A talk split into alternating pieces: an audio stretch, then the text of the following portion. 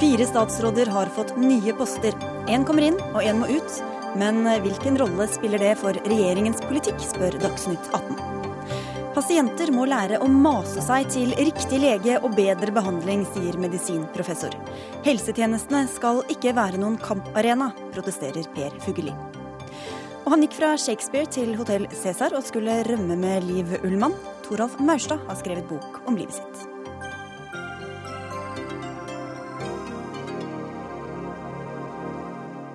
Og det forteller han om her i Dagsnytt 18 på P2 og NRK2. Jeg heter Sigrid Solund.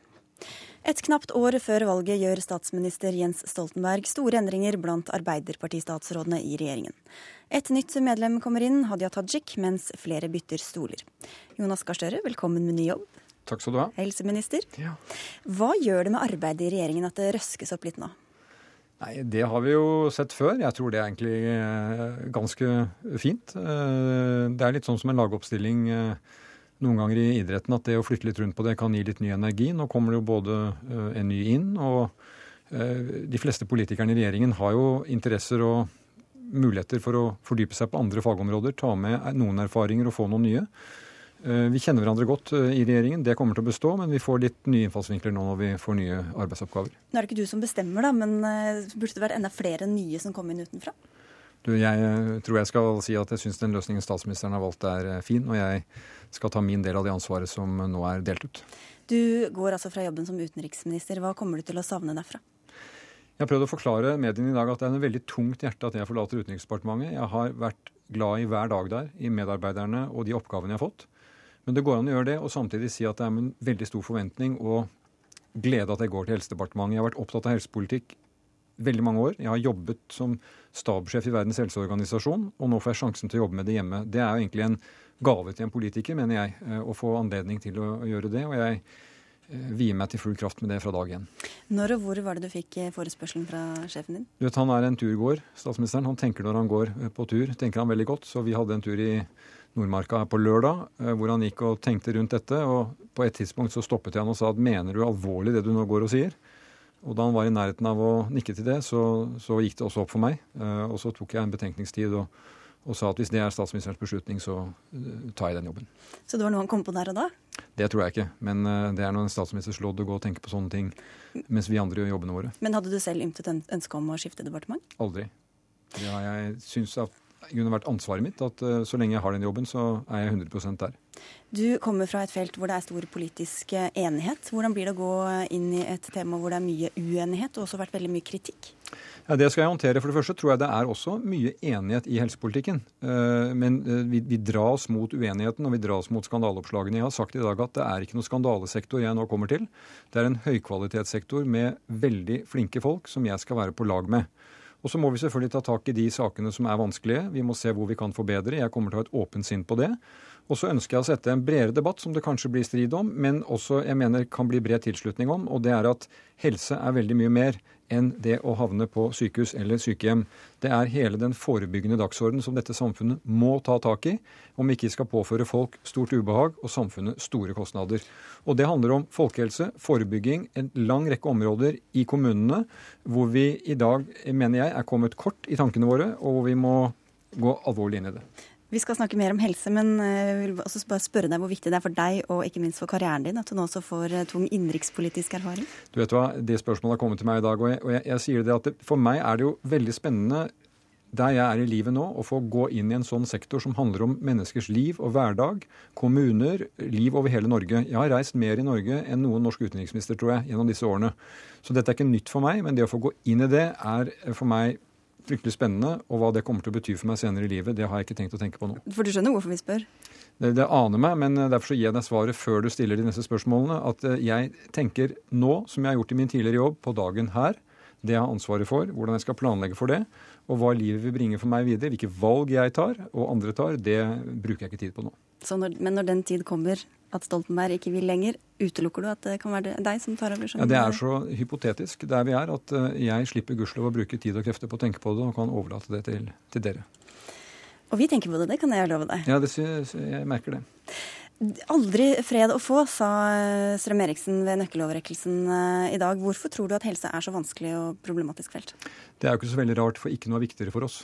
Det treffer oss midt i det mest følsomme, det aller viktigste og mest sårbare når vi trenger den hjelpen. Og det er klart at I et demokrati så vil jo mye av sakene presses oppover mot statsråden. På mange områder er det bra, for jeg har et ansvar. Jeg er også opptatt av å trykke tilbake. For skal vi ha et velfungerende helsevesen, sykehus, sykehjem, eh, en, en, stor sektor, 300 000 mennesker, så må de som har ansvaret, føle at de får det ansvaret, og at de får støtte fra statsråden i det. Så jeg regner ikke med at det blir fred å få, men jeg har også tenkt å si at det er ikke en løsning på alle saktens problemer å bare trykke dem opp til statsråden. Det tror jeg i noen tilfeller vil være viktig å si fram. Så mer dialog i helsevesenet fremover? Du vet, Jeg har drevet med utenrikspolitikken, og jeg tror at uh, samhandling uh, det er nå et litt sånn vanskelig ord, men det handler jo om å få uh, en veldig komplisert sektor, teknologi, mennesker, følsomme faser av livet til å fungere godt sammen. At når du skrives ut fra et sykehus, så er det noe i kommunen som tar imot deg. At du får sømløs oppfølging i, i, i det systemet. Og da må det god dialog til. Det må skje mellom de aktørene der ute, men jeg tror faktisk også at uh, ministeren bør engasjere seg i det. Men Du nevnte skandaleoppslag, og de er jo ikke uten grunn. Hvordan skal du rydde opp i den situasjonen som er på Ahus, og også problemene ved sammenslåingen i Universitetet i Oslo? Det har vært en veldig krevende prosess, men helt nødvendig. Husk på hvordan det så ut i hovedstadsområdet før det ble igangsatt. Det har vært viktig å gjennomføre. At det var krevende for de som jobbet der, og at det har ført til store belastninger på mange, det ser vi nå. Men jeg er tiltrådt som helseminister i dag, og jeg registrerer at her har vi tilsynsmyndigheter som har gått inn og sett på den saken. De har nå gitt en uttalelse i dag som jeg ser eh, viser til svarene som er kommet fra Akershus sykehus. Eh, og, Om uforsvarlig drift? ja, men de har altså lagt til grunn at de tiltakene som er gjennomført nå, har brakt en, ny situasjon, og de forfølger ikke saken. Den blir ikke oversendt til Helsetilsynet. Og så har jeg hørt at sykehusdirektøren på Ahus har beklaget det som da har skjedd i noen enkelttilfeller, og det syns jeg er en, en modig og verdig handling av henne, og det tar jeg til etterretning. Bent Høie, nestleder og helsepolitisk talsperson i Høyre. Hvilken rolle spiller det for helsepolitikken at de nå skifter statsråd? Nei, Jeg er glad for at det skifter statsråd. Jeg ønsker Jonas Gahr Støre velkommen til på en måte den helsepolitiske debatten og gleder meg til å eh, samarbeide med han, men òg å konkurrere og diskutere helsepolitikk for helsepolitikken. Jeg er tjent med at vi har gode og friske diskusjoner. Men det er klart at eh, forandringen eh, kommer først hvis en forandrer politikk.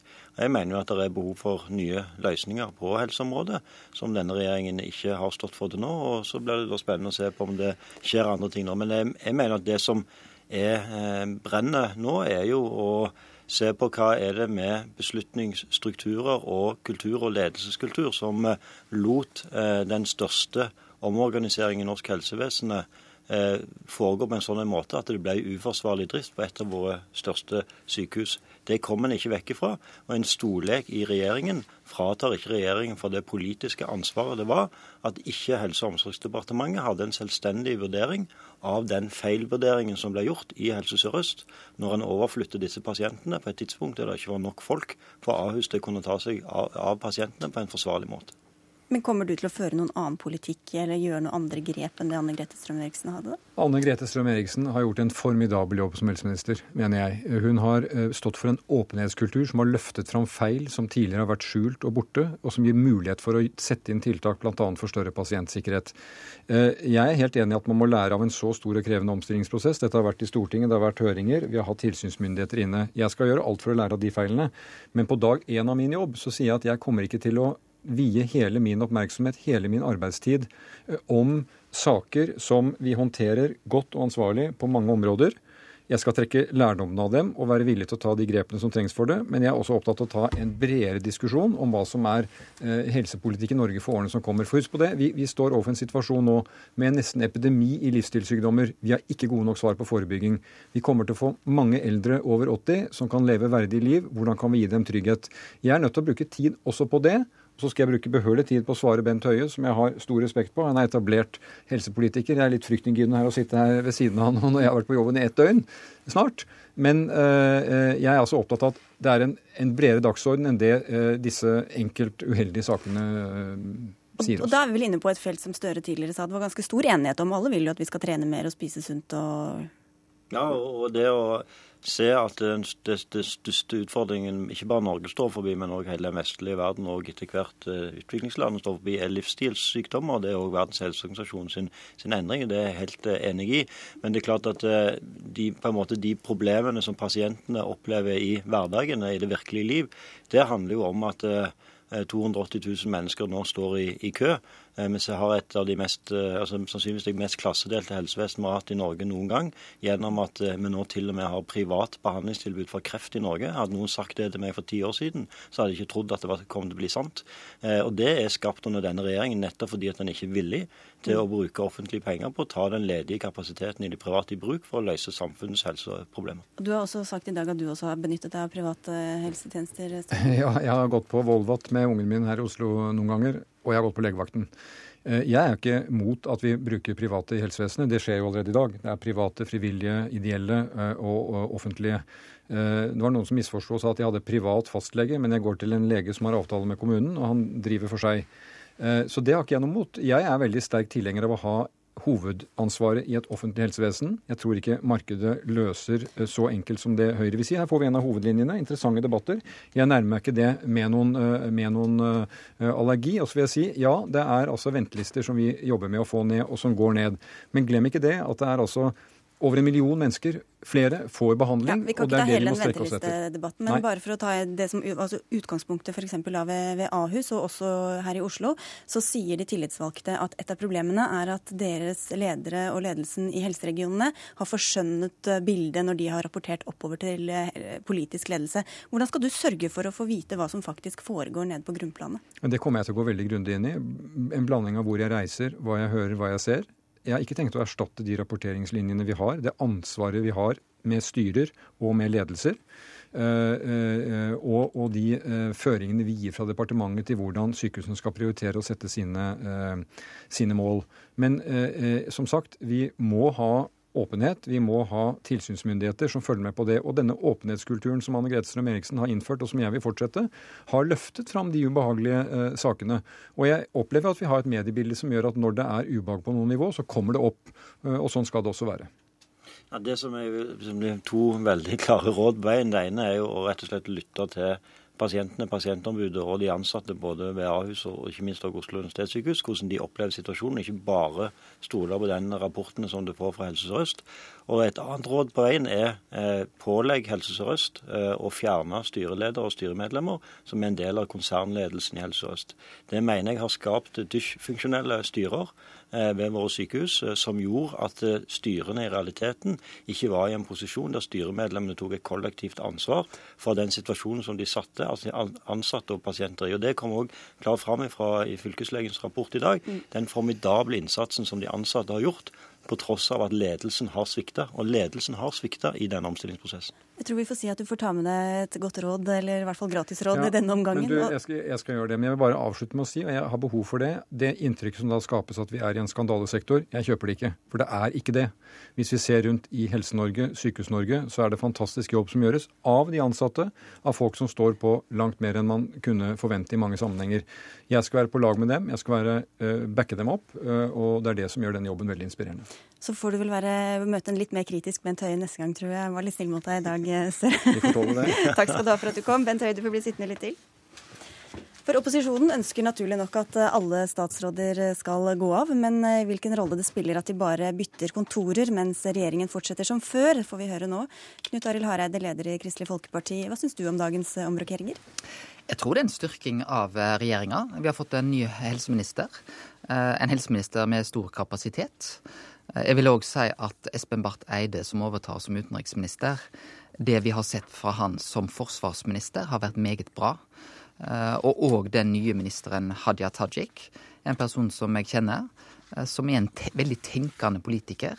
Jeg tror òg det blir spennende å følge henne som religionsminister. Hun har jo det ansvaret. Der har hun vist seg som veldig prinsipiell. Eh, så det er veldig mye spennende. Eh, på det er ikke så du trenger noe regjeringsskifte i det hele tatt? Ja, det er mer politikken som skal føre. Men jeg har lyst til å si at det er dyktige folk, det er dyktige personer som eh, her går inn. Og det tror jeg det er klokt òg av opposisjonen å være ærlig på en slik dag. Siv Jensen, leder i Fremskrittspartiet, du er med på telefonen. I går sa du at Stoltenberg burde vurdere å trekke Strøm Eriksen fra posten som helse- og omsorgsminister. Det gjorde han. Har du også hvisket ham i øret om Støre, Tajik, Barteide og Huitfeldt? Ja, det virket jo tydeligvis veldig hurtig, det der. Men jeg har jo først lyst til å gratulere alle de eh, som er oppnevnt i dag. Jeg er enig med at det er flinke folk. Det som gjenstår å se, er om det fører til ny politikk. Fordi det er jo i bunn og grunn det det handler om. Eh, Gahr Støre kan være så flink han bare vil, men hvis han overfører dialogen sin til helsesektoren uten å handle, så tror jeg Arbeiderpartiet kommer til å gå på en kjempesmell. Velgerne kommer ikke til å la seg lure en gang til av nye valgløfter. De vil nå se handling, resultater og ikke bare prat. Hareide, du har jo selv sittet i regjering. Hvilken rolle har du inntrykk av at det spiller hvem som kommer inn i de og de kontorene, når det er den samme politikken som skal føres? Ja, Det er klart at eh, det betyr mye med enkeltpersoner. Jeg kan selv vise til Dagfinn Høybråten, som overtok som helseminister. Han greide å snu helsekøene. Helsekøene begynte å gå nedover. Han fikk på plass en røykelov. En røykelov som faktisk ikke sto i KrFs partiprogram. Men han så verdien av det som en enkeltperson. Løfta opp. Det som blir utfordringen for Støre, er jo nå å gjenskape den tillit som er helt nødvendig til helsesektoren. Og det er klart at han må jo på en helt annen måte enn det Strøm Eriksen har gjort så langt, ta på alvor de bekymringsmeldingene som er kommet inn til Helse-Norge. Det gjelder både fra ledelsen, men òg videre nedover i systemet. Så ser vi nå en mistillit. Det er altså at det har vært uansvarlig drift ved sykehus i ni måneders tid, er jo meget alvorlig. Men òg spørsmål som rusomsorg. Jeg tror òg det blir veldig spennende å følge Eh, helseminister Støre på et spørsmål som gjelder bioteknologilov. Der er det et viktig verdispørsmål. Og nå er det altså da ikke Grete Strøm, Anne Grete Strøm Eriksen skal styre det feltet.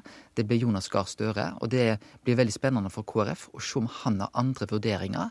Eksempelvis i viktige etiske spørsmål, som da gjelder tidlig ultralyd, som kan føre til en screening, som kan gjøre at barn med Downs syndrom blir sortert bort i vårt samfunn. Det vil vi få svar i løpet av denne høsten, når Jonas Gahr Støre kommer med meldingen om bioteknologi. Er du spent Bent Høie, på hva slags politikk som kommer framover? Ja, jeg er spent, men jeg har ikke de store forventninger at det blir et veldig linjeskifte. Jeg tror at eh, det blir de samme løsningene. og eh, det er flinke folk. Jeg synes at Det største lyspunktet er Hadia Tajik, som jeg eh, kjenner fra Stortinget, og jeg er fra samme fylke som meg, som jeg mener er en av Arbeiderpartiets mest lovende politikere. Så det syns jeg er bra. Jeg er litt mer overrasket over at ikke Stoltenberg brukte anledningen til å løfte fram nye, unge mennesker i Arbeiderpartiet, eller de får prøve seg et år som statsråder før det blir eh, forhåpentligvis regjeringsskifte, sånn at de hadde hatt flere eh, stortingsrepresentanter med, med, erfaring. Men når det gjelder helsepolitikken, så er det klart at det som er det store problemet, er at eh, en ikke er villig til å ta i bruk alle de gode kreftene, f.eks. For i forhold til alle rusavhengige som nå står i kø. Nå er dere så enige, kan liksom ikke bare la sitte Jeg må bare ta inn Siv Jensen her også. Blir, blir, det vanskeligere nå, et tøffere lag dere skal møte i, i valgkampen framover? Jeg tror ikke det. Fordi jeg tror ikke politikken kommer til å endre seg. Vi kommer fortsatt til å gå mot et valg hvor eh, helsekøene er opp mot 300 000 hvor man overhodet ikke vil ta i bruk den ledige kapasiteten som finnes både i privat sektor og i utlandet for å gjøre noe med det. Eh, jeg syns det er flott ja, at Gahr Støre har tatt i bruk det private helsevesenet selv. Han må jo ha følt litt på det når eh, han har betalt for det av egen lomme. Og kanskje reflektert litt over alle de som må stille seg bakerst i helsekøen fordi de ikke har råd til å kjøpe seg fri. Eh, og Der kan man gjøre ting med enkle grep for å sørge for at det offentlige betaler for at vi kan benytte oss av det private. Da er det sånn at Det hjelper jo heller ikke å prate om eh, investeringer i, i eh, IKT-utstyr og i medisinsk-teknisk utstyr, det krever faktisk bevilgninger. Og det er med på å løse de utfordringene helsesektoren står overfor. Sånn at hvis ikke regjeringen legger friske midler på bordet til å investere opp norsk helsevesen, kommer vi til å ha utfordringer langt inn i neste valgkamp. Ja, Nå kommer det jo snart et budsjett. Du får avslutte her, Hareide. Ja, og om det er tøffere lag vi møter, så er vi klar til å møte det laget. Og det på politikk. Hadia Tajik eh, er en ny, spennende minister. Men det spennende blir jo hva leverer hun f.eks. på mediepolitikk. Der opplever vi en bransje som nå er veldig utålmodig. De har sett at regjeringa ikke har jobba raskt nok med den tydelige omskiftningen som er. Bl.a. fra papir over på nett. Hva gjør vi da med momsregelverket? Det er helt nødvendige fornyelsesprosesser. Og det er der det blir avgjørende. Greier regjeringa å levere på politisk fornyelse? Det har de ikke greit så langt. De har vært bedre på å levere på fornyelse av statsråder enn på politikk. Og Der er de inne på et vesentlig poeng, for nemlig at hovedproblemet for denne regjeringen har vært gjennomføringskraft. Det blir ikke mer gjennomføringskraft av alle disse rokeringene på statsråder som sitter veldig kort tid. Det har vært 52 eh, statsrådsskifter disse siste syv årene. og Det betyr at på vesentlige områder så skifter bare de samme menneskene rundt, og politikken blir ikke gjennomført. Og Ansvaret er likevel Stoltenberg sitt i forhold til bl.a. det vi nå har sett eh, på, på, sykehusene. Det er ikke sånn at fordi han skifter rom på statsråden, så kan en ta ifra regjeringen det politiske ansvaret. Det er regjeringens. Og Stoltenberg tar et større personlig ansvar som statsminister når han svarer på problemer med stollek. Nå kommer de nye statsrådene inn med da sikkert litt ammunisjon fra dere. Takk skal dere ha, Siv Jensen i Fremskrittspartiet, Bent Høie fra Høyre og Knut Arild Hareide fra Kristelig Folkeparti. På vei eh, inn nå altså tre etablerte Arbeiderparti-statsråder eh, i ny jobb, og en ung helt fersken, fersk en. Og den ferske, det er deg, Hadia Tajik. Du har fått mye ros her i dag. Det er veldig hyggelig å høre. Og jeg, jeg opplever det som, som, positive forventninger som jeg skal gjøre så godt jeg kan for å, for å, innfri. Du er altså ny kulturminister. Hvor overrasket ble du over å få det tilbudet? Veldig overrasket. Jeg fikk telefonen på onsdag, og det, det kom veldig brått på. Men jeg hadde en eh, lang og god samtale med statsministeren, og, og det er bakgrunnen for at jeg er her nå. På Slottsplassen i dag sa Stoltenberg at dagens grep medførte fornyelse. Det er vel lett å se til deg da, for den fornyelsen?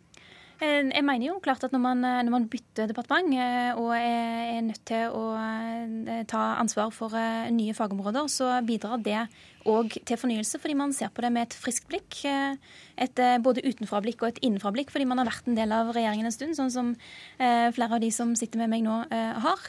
Eh, som, eh, som, jo betyr at de eh, kan det politiske håndverket veldig godt, men, men ser departementet med nye øyne.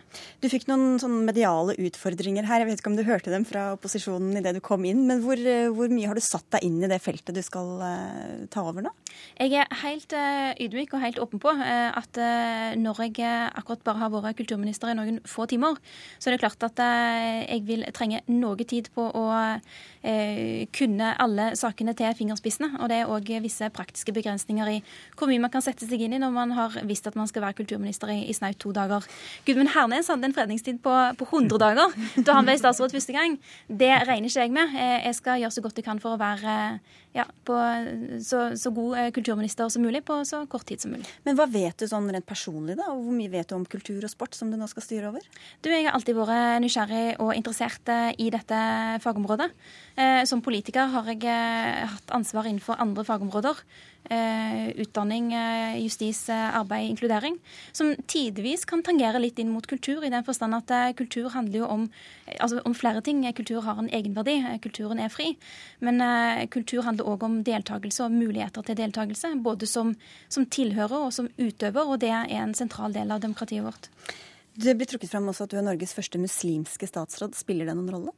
Eh, ikke det praktiske arbeidet i departementet, men jeg skjønner jo, eh, altså jeg skjønner jo interessen, nysgjerrigheten omkring det. Eh, når man er først i en sånn rolle, så, så, kan det jo være spørsmål og, og sånn som, som, enkelte kan ha, og det er helt greit. De får bare spørre, og så får jeg svare etter beste evne. Hva slags praktiske spørsmål er det? Nei, jeg vet ikke. De, eh, de spørsmålene jeg har fått knytta til det å være muslim, er jo eh, Jeg ble intervjua eh, for kort tid siden fra, av et regionalt medium, skal ikke henge de ut.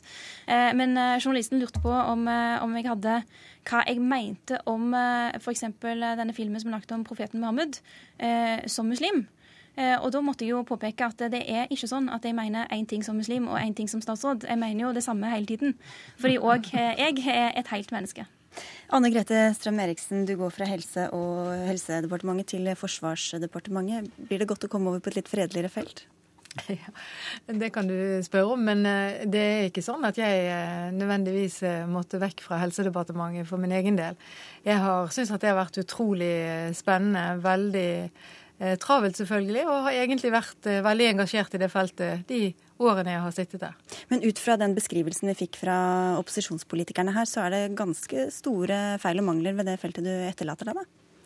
Ja, altså Hvis du eh, ikke er opposisjonspolitiker, men eh, helt eh, europeer og ser inn i det norske helsevesenet, så ser du et av verdens beste helsevesen.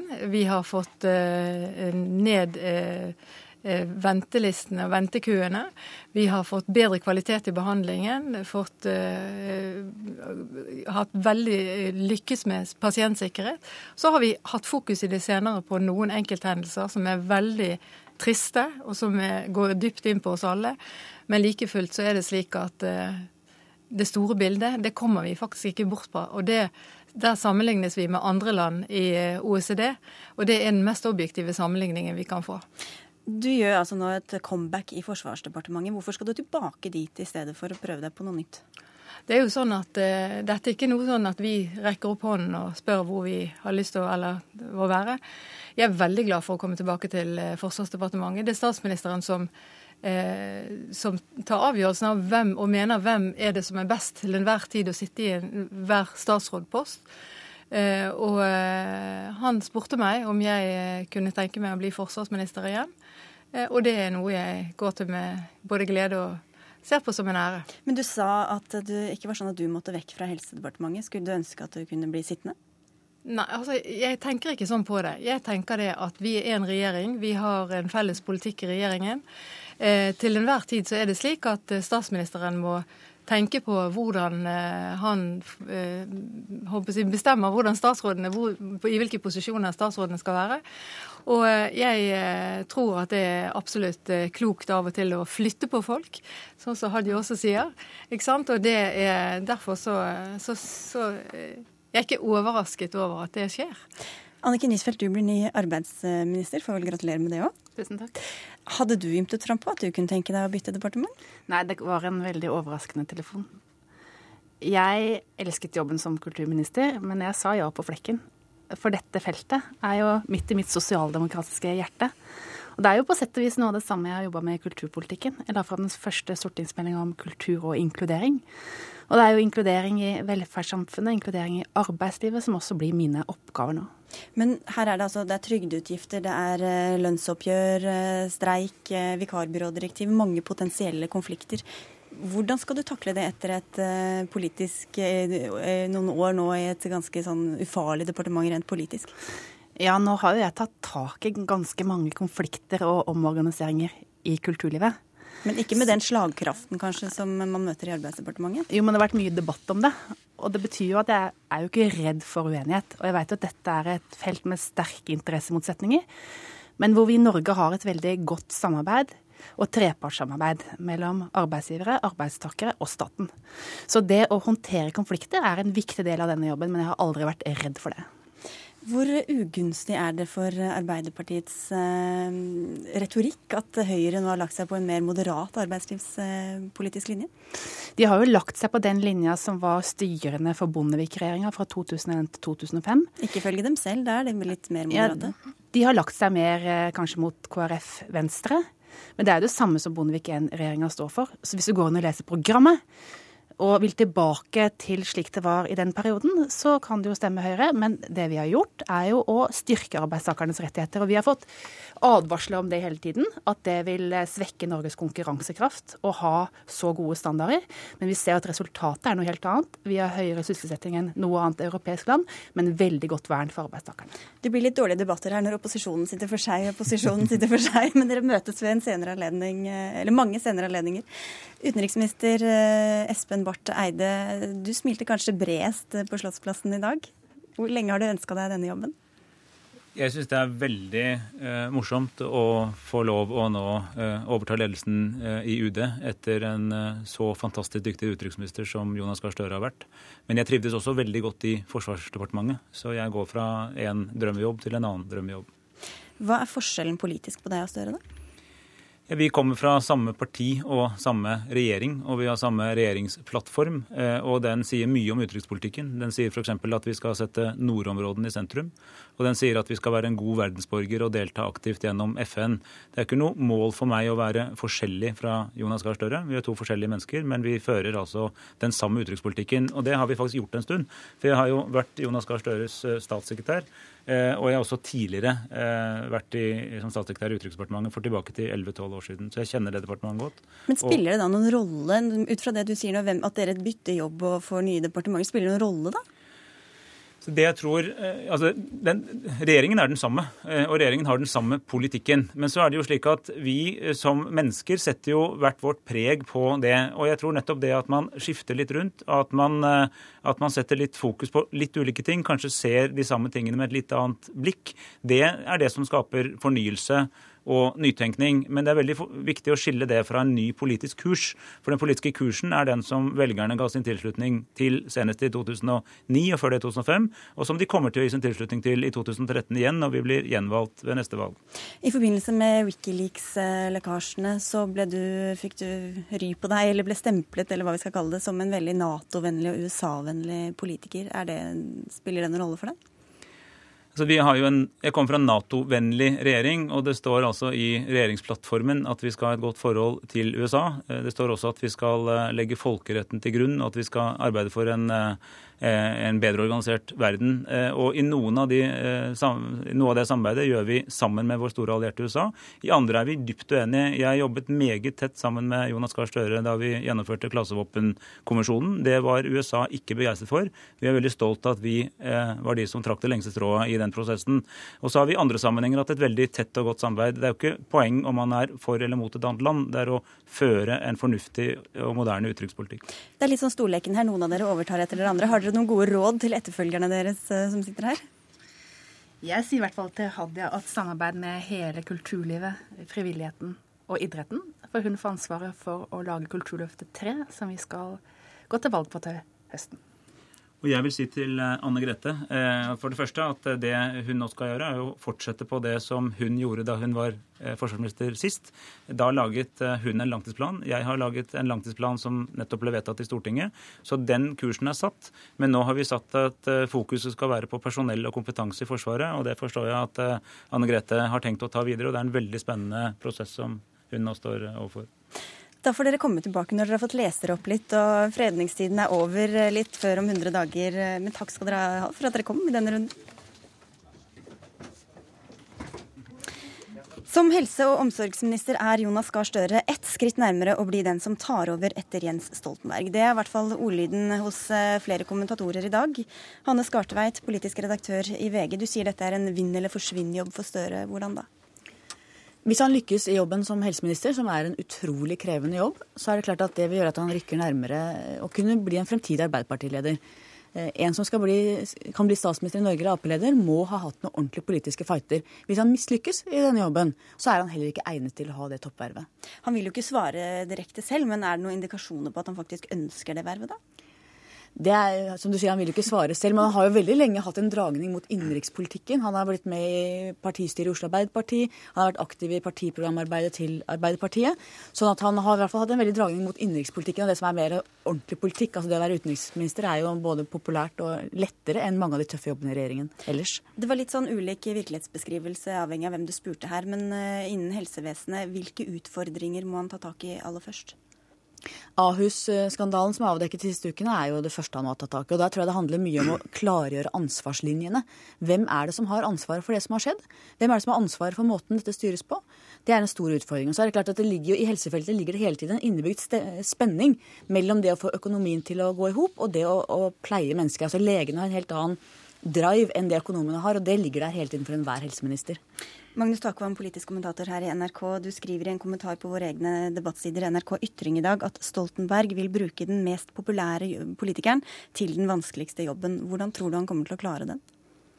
Det er jo det som er eh, spenningen her. Eh, det å gå fra utenriksministerjobben over i eh, innenrikspolitikk er veldig krevende. Det hjelper ikke da med med generelle uh, uttalelser som man ofte kan komme unna med i utenrikspolitikken. F.eks. hvis det er strukturpolitikk i sykehussektoren. Hvis du må velge mellom å legge ned der eller der, så kan du ikke si til de som er misfornøyd på Nordfjordeid at ja, altså glatte over det. sånn den typen konflikter har også Støre for så vidt allerede vært i da han eh, var innom uh, Møre og Romsdal var det vel, og, og prøvde å gjøre ting i uh, den opphetede diskusjonen.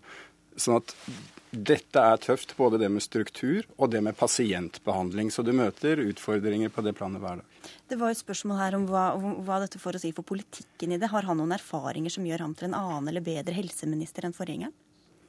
Altså, det er ikke noe tvil om at han har den erfaringen som skal til, minst like godt som hvem som helst ellers. Han har uh, vært med på uh, liksom strukturen i, i, helsereformen som vi har nå. Nå mener mange at den er ganske mislykka, men uansett så kan han systemet ved det samarbeidet han hadde med Tore Tønne i sin tid, som var arkitekten bak uh, den modellen vi har nå. Han eh, var generalsekretær i Røde Kors og jobbet med Gro Harlem Brundtland i Verdens helseorganisasjon. Så helsepolitikk på et overordnet plan er det ingen tvil om at han kan. Han tar over etter Anne Grete Strøm-Eriksen, som går tilbake til å bli forsvarsminister. Eh, var hun en bedre forsvarsminister enn hun var helseminister, Skartveit? Ja, det tror jeg. Men nå skal vi huske på at hun kom inn etter Bjarne Håkon Hansen, som snakket veldig mye og sparket opp veldig mange baller, men som med respekt å melde tok ganske få av de ballene ned. Så hun kom jo inn i en struktur som på mange måter var lagt. Eh, hun var populær som forsvarsminister, eh, og de skandalene som hun nå etterlater seg med Ahus og rapporten som kom i dag, det er klart det er ikke noe godt testamente for henne, det. Hva med, hva med Barth Eide? Skiller han seg noe politisk fra Støre, selv om han da bare henviste til plattformen eh, de står på? Ja, Som du selv var inne på tidligere i dag, han er jo mye mer USA-vennlig. Gahr Støre har jo sine røtter på mange måter i Frankrike, det europeiske, også når det gjelder politisk tenkning. Mens Barth Eide er jo mye mer eh, USA-orientert eh, politiker. Han er faglig veldig sterk. Han er jo forsker når han ikke er politiker, og har en høy stjerne i fagmiljøene. Jeg tror Norge får en god politiker med han. Utenriksminister med han. Ja. ja det, var, det, ble spurt fra Høyre eller etterlyst litt flere, mer ferskt blod. Hvorfor tar ikke Stoltenberg inn flere nye utenfra? Eh, fordi kabalen ikke tillot det, vil jeg tro. Jeg vet at de har prøvd eh, andre. Det hadde vært eh, det er, Men det er mange skal vi si, hensyn å ta i en sånn kabal. Det er regional, regionale hensyn, kjønnshensyn, alder osv. Og, så Bl.a. Eh, Cecilie Bjelland fra eh, Stavanger, som, eh, som, er en profilert og flink kvinnelig arbeiderpartipolitiker, har vært nevnt. Men da fant man ikke plass til henne nå. Men det er en del som spør hvorfor Anne Grete Strøm-Eriksen da går tilbake til et departement hun allerede har vært i. Det er klart at man kunne tenkt seg at hun gikk ut av regjering. Hun har ikke tatt renominasjon til Stortinget. Men det er mulig at det ville da bli oppfattet som om hun fikk avskjed og liksom sette et veldig taperstempel, ytterligere taperstempel på, på helsepolitikken. Så det er, det, er, det er, ikke bare enkelt. For den eneste som fikk avskjed, eh, Hanne Bjurstrøm, hun sa selv at eh, hun ønsket å gå, men Aftenposten sier at hun ikke ønsket det. Vet vi noe mer om hva som var bakgrunnen der? Altså, jeg tror Hvis du hadde spurt Hanne Bjurstrøm i en ideell posisjon, så ville hun gjerne ha fortsatt som statsråd. Men som jeg var inne på, så var det kabalen som ikke gikk opp. De ville prioritere å få inn en ung, eh, lovende kvinnelig politiker med røtter på Vestlandet, eh, som Haja Tajik har. Eh, så da måtte noen ut. Og det ble, ble en kvinne fra Oslo. Eh, så, sånn er, så brutalt er det, men hun ville helt sikkert ha fortsatt. Skartveit, hvor overraskende er det at Rigmor Aasrud blir sittende etter all kritikken mot henne? Jeg syns ikke det er så overraskende. For hennes skjebne er jo veldig limt sammen med statsministerens skjebne. For det er jo Grubbegata og sikkerheten som hun eventuelt måtte gå på. Og der har jo statsministerens kontor vært veldig involvert. Så at idet Stoltenberg eh, kaster henne pga. sikkerheten, så må han på en måte gå selv. Så hun nok, sitter nok ganske trygt, ja. Men har disse rokeringene og utskiftningene noe å si med for, Altså tidspunktet, er det, er det noe relatert til 22.07. på noe vis? Og kommisjonen? Jeg har ikke inntrykk av det. Jeg vet ikke hva du sier, Magnus? Altså, jeg tror eh, altså, Punkt én så har hele den brutale virkeligheten rundt kommisjonsrapporten og hele realiteten etter 22.07 påvirket politikken til de grader. slik at Eh, det har vært et politisk klima der man ikke har hatt et normalt handlingsrom eh, på de såkalt normale områdene. Og Bl.a. timingen for denne rokaden har blitt påvirket av kommisjonsrapporten i august. Man kunne ikke rett etter den etter regjeringens mening overraskende harde kritikken eh, foreta disse endringene. Så på den måten har det påvirket. Så må det sies at regjeringen er jo nå omgitt av systemkriser hele veien med helsevesenet, Ahus, med politi, beredskap. Og det å skulle på en måte fornye og gjøre alt dette opp om igjen og gjøre det bedre fram til valget, er en enorm utfordring. De, er, de, har trøbbel. Det er det ikke tvil om. Da lurer jeg bare på til sist her, hva, det, hva sier disse valgene om uh, hva Jens Stoltenberg setter pris på, og hvordan han velger ut uh, medarbeiderne sine? Eh, ja, altså, Grunnlærdommen her er politisk erfaring, ingen eksperimenter. Han har brent seg litt på det tidligere. Så politisk erfaring, og heller litt kjedelig enn en liksom festlig og, og risikofylt. Men så er det de sentrale postene må besettes også med de beste. Det skal være, Dette er med tanke på valget neste år. Han mener det er bedre å ha Jonas Gahr Støre i viktige helsedebatter i valgkampen mot Høyre enn eh, noen andre. Så den typen resonnement ligger bak. Så ser vi igjen at politikk er et fag. Hanne Bjurstrøm er jo enda et eksempel på at de som ikke har politisk erfaring, de lykkes heller ikke som statsråder. Så han kjører safe, ja. Takk skal dere ha, Hanne Skartveit fra VG og Magnus Takvam fra NRK.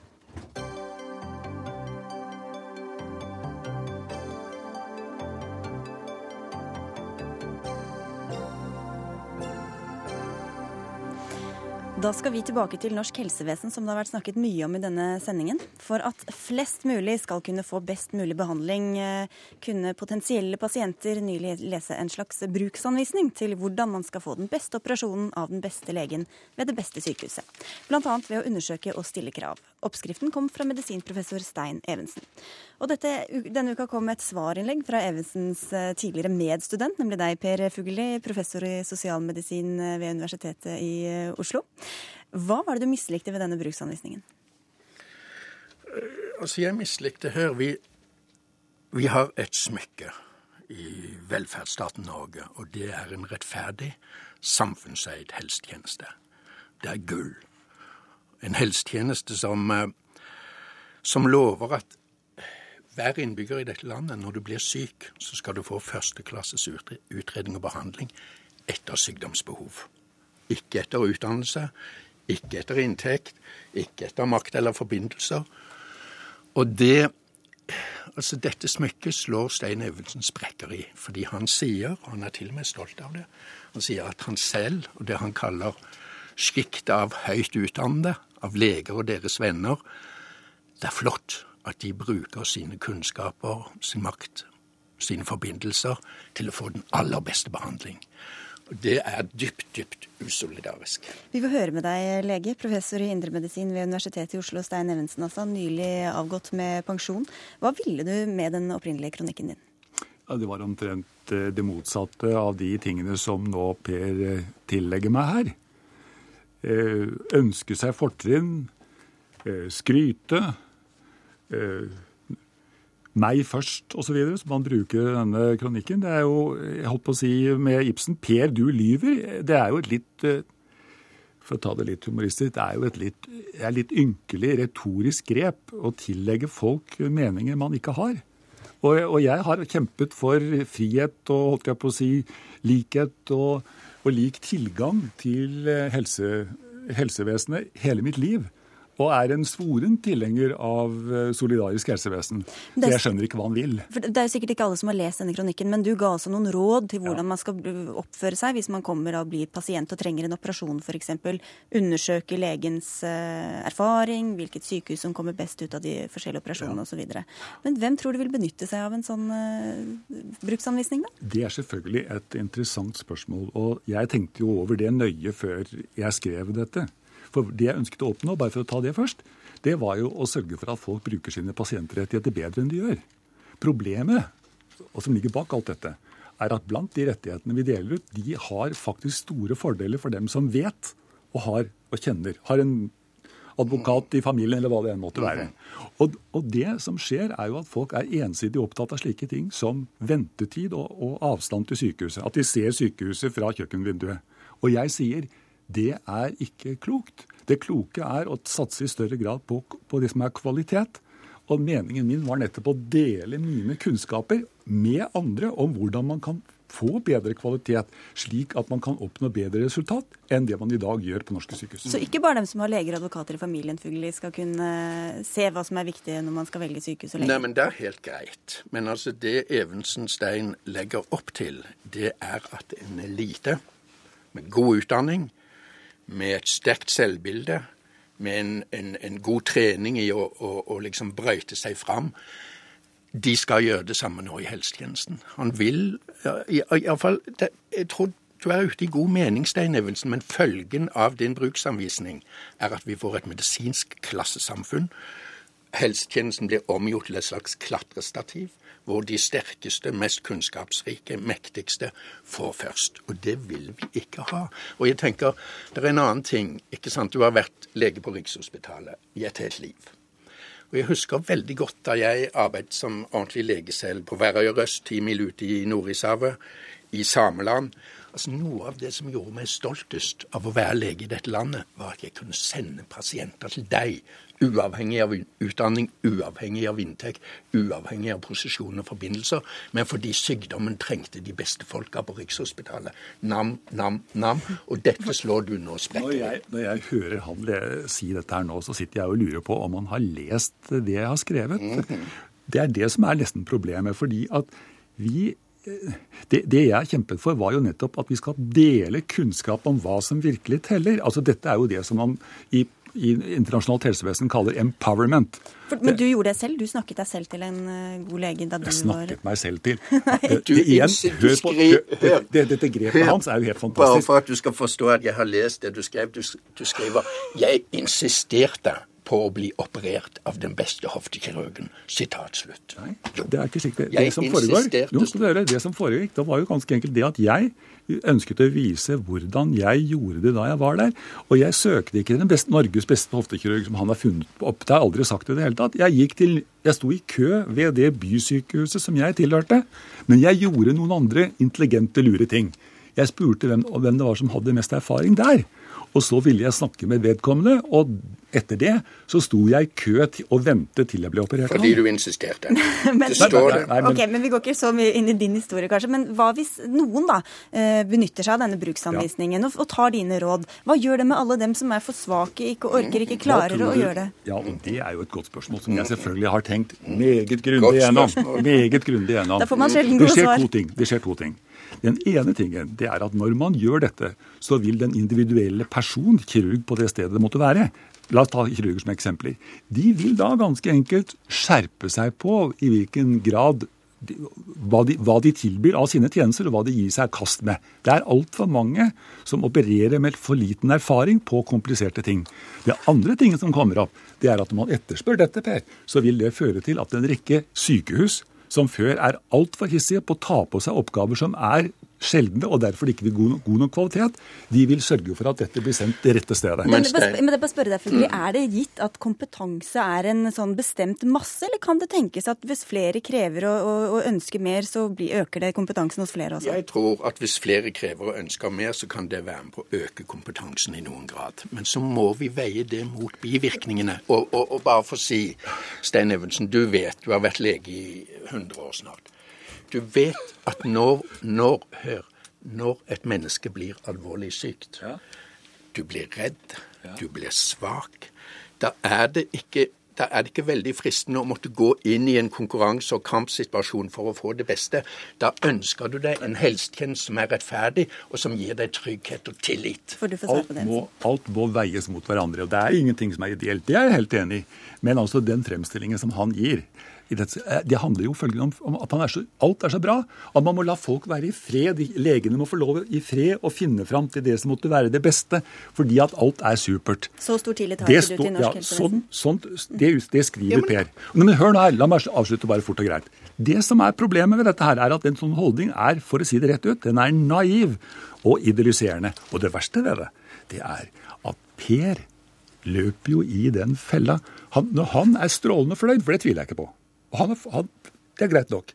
Du blir ikke behandlet som folk flest. Jo, det skal Nei, det jeg gjør du slett ikke. Og hvis det blir gjort Når, et forsøk det, på å ikke behandle meg som folk flest, så blir det slått hardt tilbake. Du legger ikke merke til det engang. Jeg nektet når, enhver form for når, når en av Norges beste profilerte leger kommer inn på en avdeling, så kan jeg fortelle deg at det settes i gang en rekke psykologiske mekanismer som du må være naiv hvis ikke du vet Nei, det er, kommer i gang. Det er ikke riktig, Stein. Jo, sånn er det. Og, og, og bare for å si, jeg ønsker å demokratisere dette her sånn. Jeg ønsker faktisk at vi skal du, få et, et, et, et helsevesen som er mer egalt. Du har ikke fått gjennomsnittlig behandling. Vi er nødt til å avslutte. Du får få siste ord her. Du har arbeidet på Rikshospitalet hele ditt liv. Du har vært en av de beste legene i landet. Var det fordi at pasienter sto og maste og ropte og skrek at de ville ha det beste? Nei. Det var fordi at du hadde en indre kraft og drive til å forbedre, til å gjøre det beste for pasienten din. Det var ikke pga. konkurranse og mas. Jeg har også truffet pasienter som har gjort absolutt noe til å forbedre behandlingen, også for andre enn seg selv, fordi de stilte kritiske spørsmål. Så jeg er ikke på det feltet engang er jeg enig med deg. Jeg tror vi får takka et hyggelig møte mellom to gamle kolleger og medstudenter. Stein Evensen og Per Fugli, takk for at dere kom.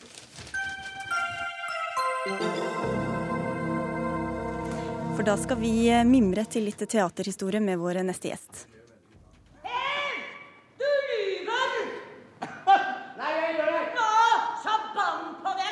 Hvorfor banne? Fy, du tørreis. Alt i hop er tøv og tann! Stol på pukk!